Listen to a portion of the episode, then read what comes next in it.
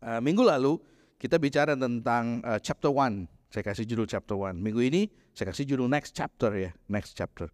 Satu bulan ini kita akan bicara tentang next chapter dan uh, untuk melanjutkan minggu lalu saya mau baca Joshua 1 ayat yang ke-6 yang bilang begini, be strong and courageous for you are the one who will lead these people to possess all the land I swear to their ancestors I will give them.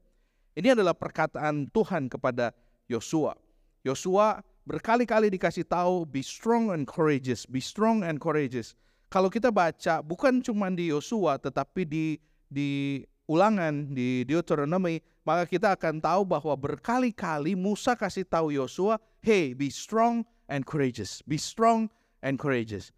Ini adalah sesuatu yang aneh, sesuatu yang aneh, sesuatu yang yang uh, oxymoron karena Yosua ini adalah seorang tentara, dia adalah jenderal perang. Dia pernah perang melawan orang-orang Amalek, lalu kemudian ingat satu cerita di mana Musa harus naik ke atas, diangkat tangannya, sebelah tangan dipegang oleh Harun, sebelah lagi oleh para elders yang lain, dan selama Musa angkat tangan, Yosua menang. Itu Yosua yang lagi lagi di bawah.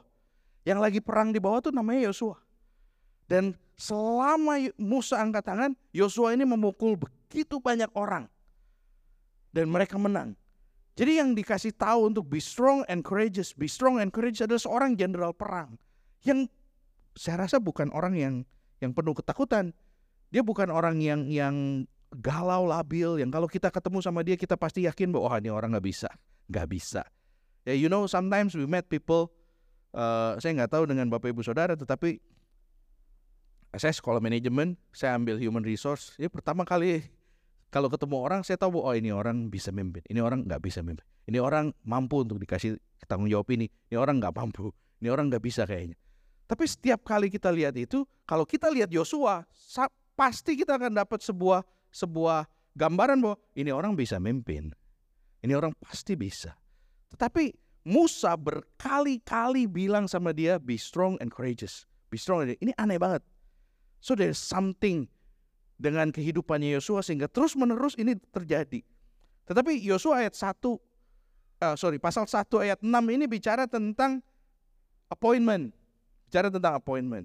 Be strong and courageous for you are the one who will lead these people to possess all the land. Ini adalah sebuah penunjukan dari Tuhan kepada Yosua. Bahwa you are the one, gak ada yang lain. Ada 12 orang yang dikirim Musa masuk ke tanah perjanjian, lalu kemudian keluar.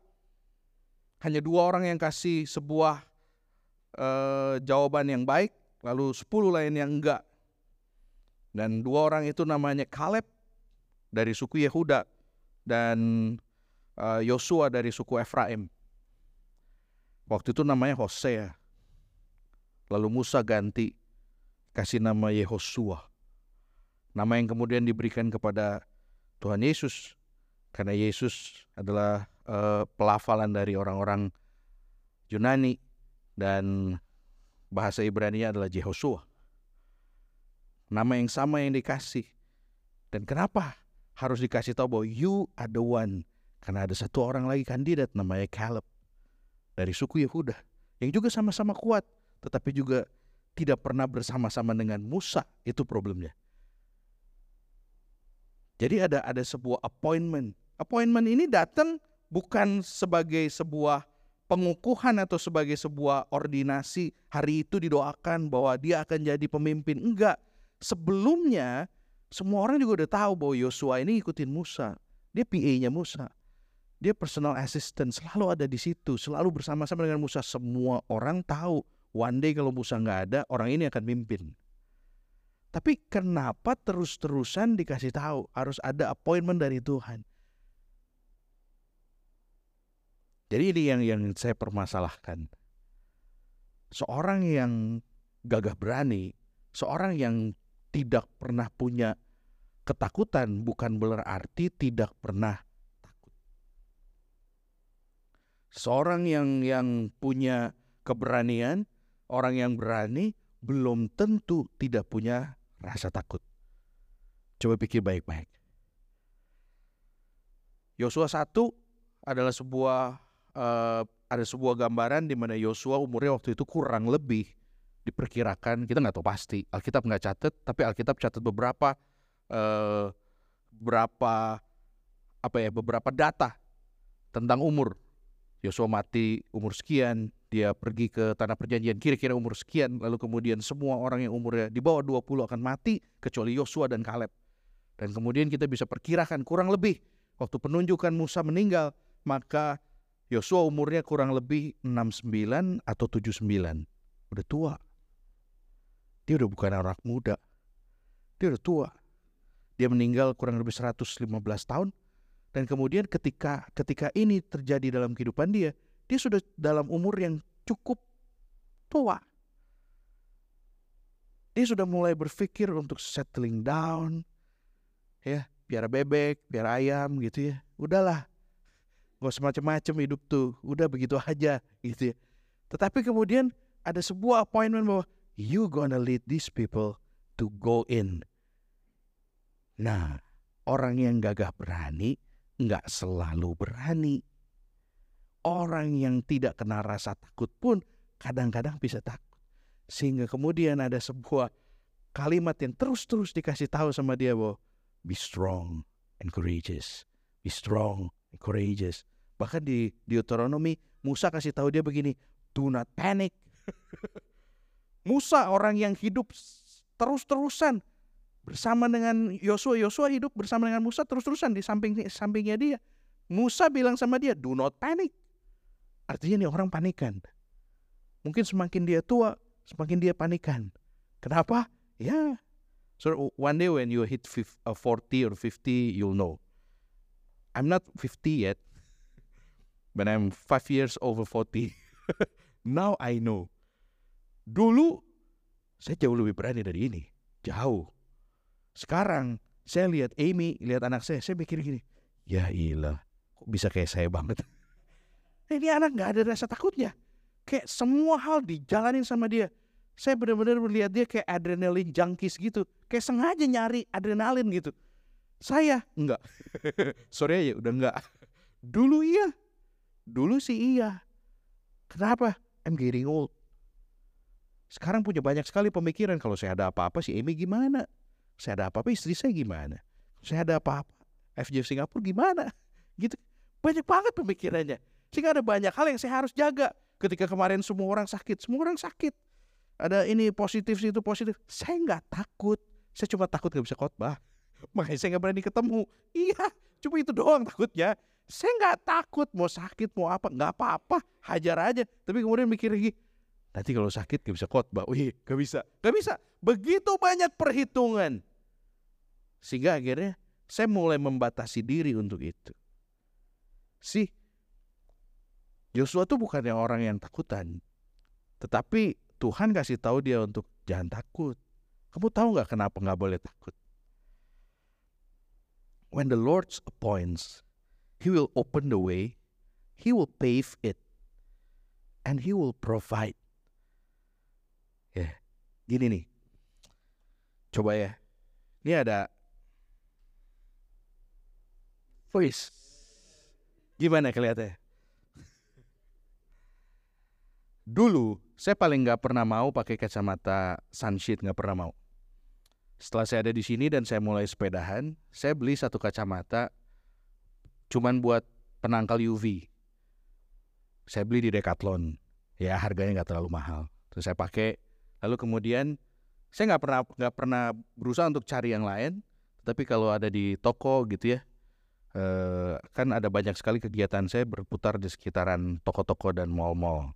Lalu kemudian ketika ya orang-orang itu nggak tahu lagi ngapain, I'm stuck there, don't know what to do. So saya biasanya pergi ke, ke tempat-tempat yang saya bisa nyobain, cobain merek ini, cobain merek itu. Wih, kayak beda banget ya. Tapi saya nggak pernah tahu bedanya unless saya bawa keluar, right? So this one saya beli waktu ikut sepedahan sama Aldo dan Kevin waktu pas kita uh, ikut uh, acara OCBC ya, OCBC, OCBC. Gelap guys. So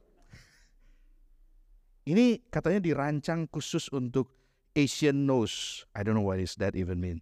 Like what happened with Asian nose? Ngehina banget.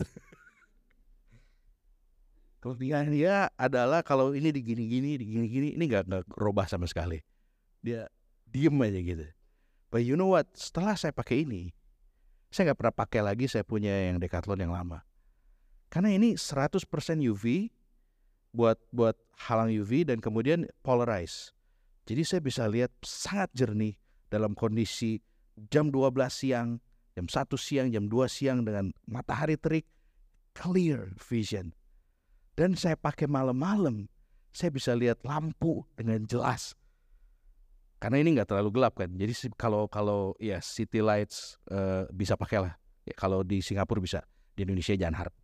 Ya, udah pakai udah semua gelap nggak ada yang kelihatan ah nggak nggak jelekin Indonesia cuma ya ya gelap aja di sana gitu kan. Kalau di sini kan masih terang gitu. Jadi pakai ini malam masih bisa. Ini mengubah paradigma saya tentang tentang pakai sunshade. Saya nggak pernah mau pakai kacamata hitam karena ngerasa bahwa kayak tukang pijit ya. Buat apa gitu. Terus sekarang saya malah suka bawa ini walaupun saya nggak sepedahan.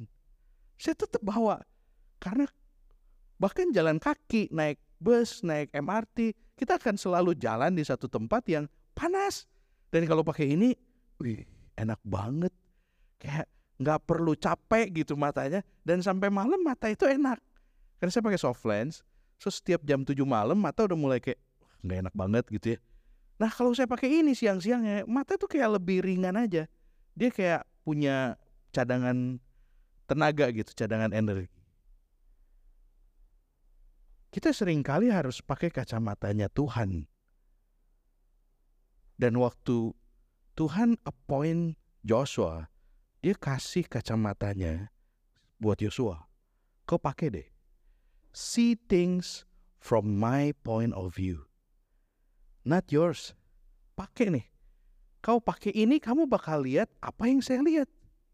Dan waktu pas kita pakai, waktu Yosua pakai, kita nggak lihat ketakutan di situ. Kita nggak lihat itu. Nah, itu yang perlu dan itu yang dikasih sama Yosua dan itu yang dikasih sama kita semua. Tuhan tuh janji bahwa hidup itu akan penuh dengan berkat, penuh dengan keberuntungan. Dia bahkan janji dengan kata yang sangat-sangat spesifik untuk Yosua, prosperous. You will live a prosperous life.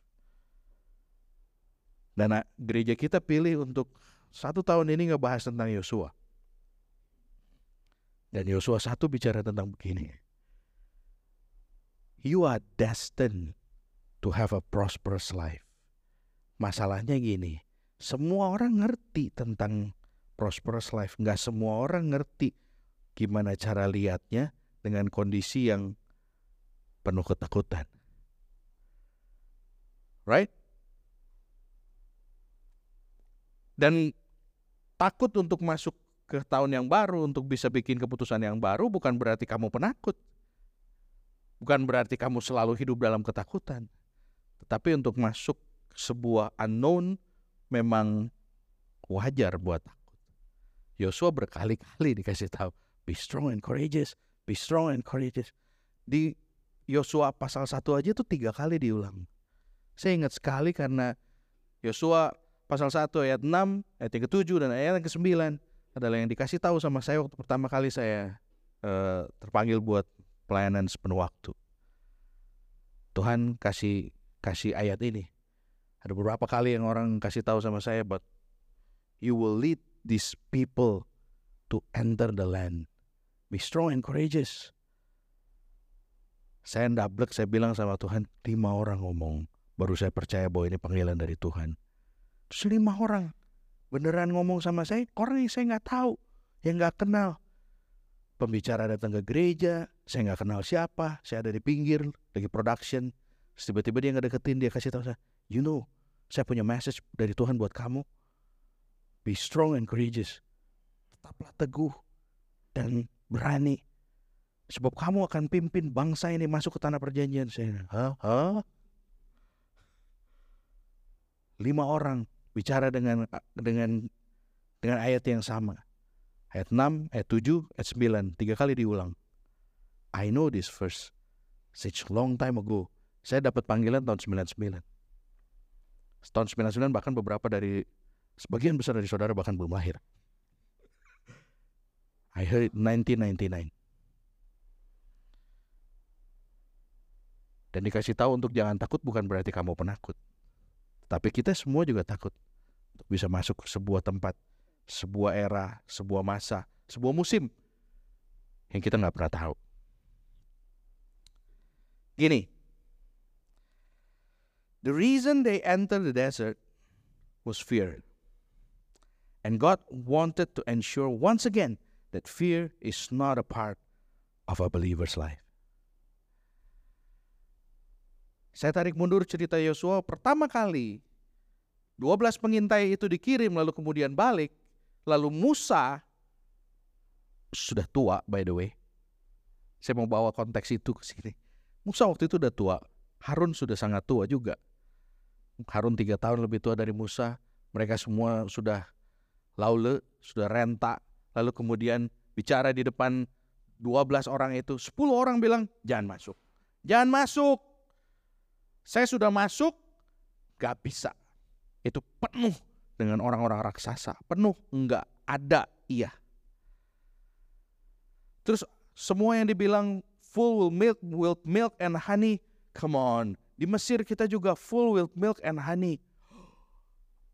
Baca Alkitab, mereka bilang begitu. Di Mesir juga penuh dengan madu dan susu. Di Mesir madu dan susu punya orang. Ini adalah tanah perjanjian bakal punya kamu. Eh mereka nggak lihat. Mereka bilang, oh lebih baik jadi budak. Hidup dengan penuh susu dan madu di Mesir. Kenapa harus kita kita dibawa ke sini di tengah-tengah desert, gurun, lalu kemudian kamu mau bunuh kita Musa. Sehingga Musa dikeroyok sama orang dia dia nyerah. Ya udah, kenapa? Udah tua. Udah tua. Penuh dengan rasa takut. Sehingga dia juga ketakutan. Oke, ya udah. Jadi mereka bikin untuk pertama kalinya ada demokrasi. demokrasi. Yuk, kita aklamasi. Ya, 10 orang bilang enggak. Oke, ya udah kita nggak jadi. Hari itu Tuhan marah besar. Dan mereka dibikin keliling-keliling di padang gurun 40 tahun. Awalnya apa? Takut. So kalau kamu pikir takut itu bukan dosa, takut itu dosa. Takut itu dosa. Takut akan melahirkan dosa yang kemudian bertambah dan bertambah dan bertambah lagi. Kalau kamu pikir keraguan, I, I saw the prayer jar. Isinya ada banyak sekali keraguan. Tuhan tolong supaya Tuhan tolong, Tuhan tolong. Yes. Why don't you believe that God will help? He will help. He's a helping God since the very beginning. Terus kenapa kamu harus ragu? Kalau taruh di prayer jar, taruh sesuatu yang declare. I declare this year will belong to me. Gitu dong. Have faith on it. Kan itu prayer jar. Kita doain sama-sama. It's a prayer. Masa tulisannya adalah ya semoga tahun ini Tuhan akan tolong. Tuhan pasti tolong. Tuhan gak mungkin gak tolong. Kalau enggak dia bukan Tuhan namanya. Dan kita gak perlu bikin ibadah kayak begini kalau Tuhan itu gak nolong. Buat apa? Right? So get the concept clear bahwa kita masukin ke situ karena kita percaya Tuhan pasti tolong. Eh by the way saya gak marah-marah. Enggak. Enggak. Ini cuma lagi cerita aja. Ya. Get the concept clear bahwa Tuhan pasti tolong kita tapi perlu iman dari sini. Gak bisa ngerasa bahwa oh kalau kita masukin ke situ semoga tahun ini baik-baik saja. Tuhan ini bakal baik-baik aja kalau kamu lihat lewat kacamatanya Tuhan. Beda banget kalau kamu lihat dengan kacamata kamu. Beda banget, GST naik. Pak Suryo gampang aja ngomong baik-baik aja. Ini semua harga naik. Yeah, I know. Emang aku nggak bayar. Aku juga nggak bayar kan sama. GST naik, I know. Properti belum turun nih. I know. I pay the rent, you know. I know. Yeah. So, nggak. Kita akan selalu kalah dan akan selalu jatuh dalam sebuah ketakutan kalau kita lihat lewat kacamata kita sendiri. Dan ini yang yang yang yang Tuhan takut akan terjadi pada orang yang namanya Yosua. Dan Yosua adalah sebuah tokoh yang penting buat Tuhan. Karena Yosua akan bawa mereka semua masuk ke tanah perjanjian setelah 40 tahun di hukuman. Sehingga Tuhan betul-betul berkali-kali kasih tahu, jangan panik ya. Be strong and courageous. Come on. Jangan takut. Masuk aja. I will lead every step. Masuk, jangan takut. Ya namanya orang udah lalu berkali-kali. Gak bisa sekali. Tuhan kasih tahu lagi, yuk jangan takut ya. Jangan takut, jalan, berani. Coba pikir baik-baik. Kita ada di posisi yang mana? Karena sering kali kita juga gitu, gak berani. beberapa waktu lalu saya punya beberapa uh, perbincangan sama uh, beberapa leaders lalu kemudian ada yang bilang gini ya dia punya kebiasaan untuk segala sesuatu itu dihitung baik-baik sehingga akhirnya ujung-ujungnya jadi nggak beli. Oh sama persis. Istri saya juga begitu saya bilang. Istri saya kalau mau beli sesuatu dia research ini research itu research ini research itu ujung-ujungnya nggak beli. Dan akhirnya misalnya misalnya mau beli handphone. Beli handphone dari kapan tahu? Akhirnya nggak beli. Nunggu sampai handphonenya nggak bisa dipakai akhirnya nanti saya yang beliin. Jebret udah. Jadi semua research dia percuma. Ya percuma akhirnya nggak dibeli nggak dipakai juga semua researchnya dia udah cari ini cari itu cari ini cari itu cari ini. Akhirnya nanti ujung-ujungnya jeprut. Ya saya juga yang beli. Dan saya bisa research dengan sangat cepat dan kemudian saya menutup ah, ini aja. Udah. Coba ngaca. Beberapa banyak dari kita yang kayak begitu. Yang ketika mau ambil keputusan kita coba untuk hitung ini, hitung ini, hitung ini, itu nggak bisa. Kita kasih jawaban sama Tuhan, nggak bisa Tuhan. Tahun ini adalah alive in calling, right? He calls you out. Eklesia, kamu dipanggil untuk keluar. Waktu kamu dipanggil untuk keluar melakukan sesuatu, Tuhan selalu bilang, bisa. Dan kamu hitung ini, hitung ini, itu. Nggak bisa Tuhan. Bisa. Nggak bisa. Saya udah hitung semua. Nggak bisa Tuhan. Akan selalu nggak bisa kalau pakai hitungan kita. Akan selalu nggak bisa. Jawabannya akan selalu nggak bisa. Hati-hati. Sebab mungkin takut kelihatan kayak bukan dosa awalnya. Lama-lama akan bawa kamu 40 tahun keliling-keliling gak ke mana-mana. Sampai nanti ujung-ujungnya kalau ditanya, So, where have you been? Iya ya. Gak ke mana-mana. Kenapa? Takut. Takut. Ini yang berbeda dari Yosua. While his appointment was to lead, penunjukannya adalah buat mimpin, but his calling is to be a man of God. Sehingga akhirnya dia bisa overcome semuanya. Waktu dikasih tahu jangan takut, dia bisa ngerti bu oke okay? yes saya nggak akan takut saya tahu dari mana dia bisa overcome baca ayat yang ketujuh bilang begini be strong and very courageous. This is the second time. Be careful to obey. Be careful to obey. All the instruction Moses gave you do not deviate from them. Jangan kiri ke kanan jangan jangan sampai miring. Turning either to the right or to the left. Then you will be successful in everything you do. Dan kemudian Yosua melakukannya saya akan cerita itu di di di minggu-minggu yang ke depan dengan sebuah misi yang kita tahu sama-sama misi yang impossible cara cara perang yang sangat impossible rebut Jericho itu kan bukan karena dia jenderal perang Bukan. Tapi karena he's the man of God. You fight in a way of God once. Tuhan yang mau keliling-keliling aja. Kalau jenderal perang kan nggak bakalan keliling-keliling. Siapin pasukan. Ya. Beli pesawat tempur. Bekas juga nggak apa-apa.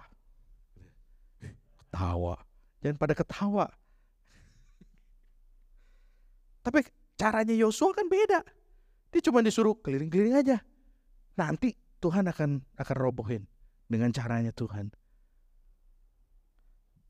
Cuma Yosua yang bisa begitu. Cuma Yosua yang ngerti bahwa panggilan dia adalah a man of God. Tuhan yang akan tolong. Caranya, caranya Tuhan. Dengan kacamata Tuhan. Dengan point of view-nya Tuhan. Kalau point of view-nya dia, dia udah tahu, this is ridiculous. Why should we go and then make a turn, make a loop every day? Nggak ngapa-ngapain, diem. Keliling aja. Jangan ngomong. Pelan-pelan. Kan bego banget. Right? Coba kalau kamu dikasih tes begitu. Kelilingin tempat. Satu hari jangan ngomong apa-apa. Diem. Nanti hari ketujuh kelilingin tujuh kali. Yang ketujuh baru kita semua teriak. Like, lu baru ya jadi jenderal. Tiba-tiba ada orang, mungkin ada pasukan dia tanya, baru ya jadi jenderal. Sejak kapan ada cara perang pakai begini? Tapi panggilan dia adalah a man of God.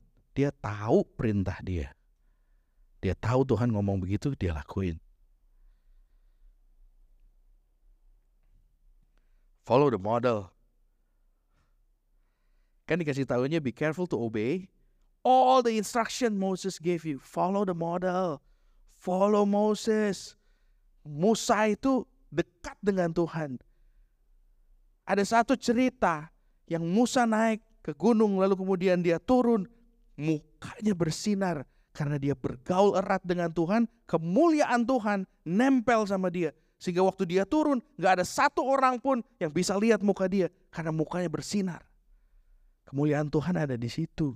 Maka Tuhan ngomong sama Yosua, follow the model, follow the example, follow Moses, find the mentors you need. Kok saya takut, pastor saya takut. Eh, kalau kamu masih takut juga, cari orang yang berani, yang bisa mentorin kamu. Cari orang yang punya iman. Kalau kamu nggak punya iman, ngumpul sama semua yang nggak punya iman, ngobrolin segala sesuatu yang gak ada imannya, ngobrolin yang isinya semuanya penuh rasa takut, terus kapan mau beraninya? Sekeliling kamu isinya semua orang takut. Ya gak ada yang berani. Tapi kalau kamu ketemu mentor yang bisa kasih tahu kamu, bisa. Tapi saya nggak bisa kok. Bisa. Kau bisa. Karena Tuhan yang bisa. Kamu sih nggak bisa. Tapi kalau kamu sama Tuhan, wow, the equation berubah. Hasilnya pasti bisa. Harus ada orang yang kasih tahu sama kamu, bisa. Find the right mentor. Mentor tuh nggak harus cuma satu. Terus gini ya, kalau cari kalau cari saya saya dapat ini di Wakanda lah ya, nggak di sini. Saya dapat banyak sekali uh, respon. Uh, tapi kan Koyo cuma mau deketnya sama beberapa orang aja cuman begini-begini. Kalau saya kan enggak eh tuh orang datang sama saya. Eh saya nggak marah saya nggak marah. Ini pengumuman pengumuman ngasih tahu tuh orang datang sama saya right? So kalau kamu cari mentor tuh lu yang cari jangan mentornya yang cari kamu. Gimana sih? Logikanya ada di mana kalau kamu cari mentor kamu yang cari mentornya bukan mentornya yang cari kamu Kenapa kok koyong ngumpulnya sama, sama orang-orang itu aja? Orang itu cari saya. That's a different thing. Ini nggak bisa kamu berharap bahwa oh saya sih nungguin aja. Ya kalau lu nunggu ya nunggulah. Berdoa kayak kenceng. Siapa tahu Tuhan ngomong nanti saya samperin. Right? Iya. Tapi kalau kamu mau cepet, ya kamu samperin mentornya. Saya bukan minta disamperin ya. Bukan minta disamperin. Mentor nggak harus saya, mentor nggak harus satu. Cari mentor sebanyak-banyaknya. Dan kalau kamu ketemu mentor, pastikan mentor kamu punya sebuah konsep yang sama dengan Tuhan. Akan bawa kamu punya iman.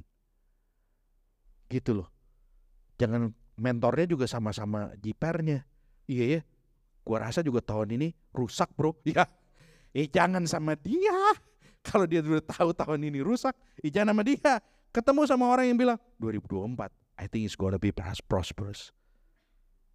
Then you mingle with them karena orang ini akan bawa kamu ke level yang lebih baik. You follow Moses. Follow the model.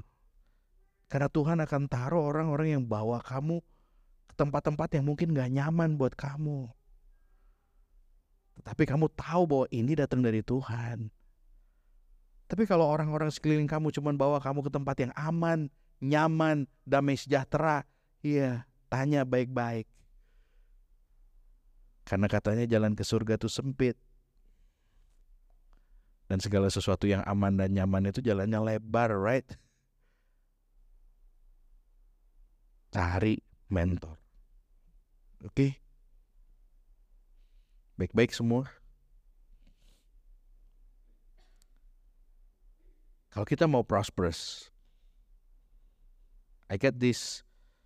Waktu saya siapin uh, siapin ini dan kemudian Tuhan bicara. Tuh sih, Tuhan bicara. Tuhan bicara. Ada satu peristiwa yang bikin saya terus minta ampun sama Tuhan. Karena kita kan lagi kita kan punya anak kecil ya. Bentar lagi empat tahun. Saya mau kasih tahu konsep Tuhan kan sama anak saya. Ada ada satu video di di beredar di TikTok dan di Instagram Reels kasih lihat anak kecil yang berdoa sama Tuhan. Lucu banget lucu banget sih. Tapi konsep Tuhannya salah banget. Dia bilang Tuhan aku mau bobo Tuhan lagi ngapain sih? Semua orang ketawa lihat kayak gila lucu banget. Eh, konsep Tuhannya salah banget. Ini orang nggak ngerti ini anak nggak ngerti Tuhan siapa right? Dia nggak tahu Tuhan itu siapa Tuhan memang sahabat kita tapi dia juga hakim yang agung dia raja dia Tuhan. Gak bisa kali digituin. Tuhan lagi ngapain gitu. My brothers send the the ini di Instagram kita punya grup terus dia lucu banget. Like iya sih lucu, ini konsep Tuhannya salah. Nah, satu kali saya bilang gini sama sama Amy, dia find something terus saya bilang if you wanna find that, saya udah tahu tempatnya di mana. You need to pray. Terus dia bingung, Why need to pray? Ya, you need to pray to find things. Supaya Tuhan itu maha kuasa, dia bakal tolong. Kau berdoa deh. Terus akhirnya suruh saya paksa dia berdoa. Lord Jesus, please find me the speakers so that I can hear music in Jesus name. Amen. Amen. Udah ya, selesai. Ya, terus dan saya taruh speakernya tadinya ada saya udah tahu tempatnya saya taruh di dekat dia. You see, you can find it right. Terus you, oh yeah. see, thank you to Jesus, thank you Jesus gitu. The the second it happens, then God say to me, Emang kamu lebih Tuhan? Harus ngasih tahu Tuhan ke anak kamu. God, I'm sorry. God, I'm sorry. Yes, saya nggak perlu kasih tahu Tuhan konsep Tuhan ke anak ke semua orang. God is God. He will be God to you as he's got to me. Saya nggak perlu kasih tahu. Kecuali orang itu nggak pernah kenal. Right? Terus saya dapat teguran langsung Tuhan kayak ngomong, ngapain? Amy udah tahu lagi Tuhan siapa. Dia gak perlu dikasih tahu bahwa Tuhan itu penuh kuasa. Yes. A sin is not sufficient. God is looking for consent. Mangguk-mangguk nggak cukup. Dengar firman hari ini cuma mangguk-mangguk doang nggak cukup. Yes, saya ngerti Tuhan punya kuasa. Saya ngerti Tuhan baik. Saya ngerti Tuhan cabut semua ketakutan. Assent is not enough. God need your consent. Yes God, I want tanda tangan. Ini Singapura segala sesuatu butuh consent, right? tanda tangan. Udah tanda tangan, terikat. Ada komitmen setelah kamu tanda tangan. Ada komitmen setelah kamu bikin konsen. Ascend is just iya yeah, iya yeah, iya. Yeah. Ngerti gak? Ngerti. Ngerti gak ini datang dari mana? Ngerti. Ngerti gak Amy? Speaker ini ketemu gara-gara Tuhan. Ngerti. Ternyata Tuhan gak cari ascend. He need consent. Dan dia gak dapat itu dari seorang anak yang umuran Amy. Saya kayak ditabok oke iya Tuhan. Itu sebabnya Tuhan berkali-kali bilang be strong and courageous. Dia nggak butuh cuma mangguk menganggut-nganggut doang. Iya iya iya iya. Ngerti iya ngerti. Dia nggak butuh itu oke Saya ada satu cerita. Ada saudara tahu gambar ini? Ada yang tahu permainan ini? Tahu ya? Tahu ya? Semua tahu ya? Permainan ini aslinya, aslinya. Ini kan permainan dibikin pokoknya ada satu orang yang mainin ya kalau yang uh, pada umurnya lebih tua pada nggak tahu karena semua yang Gen Z tahu main werewolf ya yang pada yang nggak tahu ini ada satu orang yang harus nge ngejagain supaya semua orang nggak licik nanti ada ada werewolf kalau malam the night has come gitu kan. Terus malam werewolfnya bangun lalu kemudian werewolf harus bunuh salah satu villagers lalu kemudian morning has rising gitu. Dan kemudian uh, pagi tiba gitu lah ya. Oke begitu terus nanti si villagersnya ada yang mati misalnya misalnya Yohanes mati. Dan semua bakal mulai cari siapa yang bunuh siapa yang bunuh ya ini permainan isinya bohong semua ya semua orang harus berbohong supaya kasih lihat bahwa bukan dia jadi pokoknya harus harus yang menang harus yang paling pintar bohong gitu kan aslinya aslinya namanya adalah mafia diciptakan oleh satu orang Rusia namanya Dmitri Davidov. Tahun 1986. Makanya yang yang lahir sebelum 86 nggak tahu main ini ginian. Jadi saya jelasin ya. Om pernah main, Om ngerti. Nah, si permainan ini diciptakan oleh seorang yang namanya Dmitri Davidov ini untuk membuktikan sebuah tesis. Karena dia sedang dia mahasiswa psikologi, dia lagi bikin tesis untuk membuktikan sebuah tesis bahwa informed minority itu akan selalu overcome uninformed majority. Orang yang punya informasi walaupun minoritas akan selalu mengalahkan orang yang tidak punya informasi. Walaupun mereka mayoritas. Karena werewolf idealnya akan selalu menang lawan villagers. Karena mereka bangun waktu pas malam semua orang tidur, semua orang nggak boleh nggak boleh buka mata, werewolfnya buka mata. Ada berdua, ada bertiga, tergantung berapa banyak mainnya. Sih, Kenji, Kenji, gitu kan. Besoknya Kenji meninggal. Dan kita harus cari siapa yang bunuh gitu kan. Dan akhirnya mereka harus bunuh salah satu orang dan ternyata villagers bukan werewolf, salah.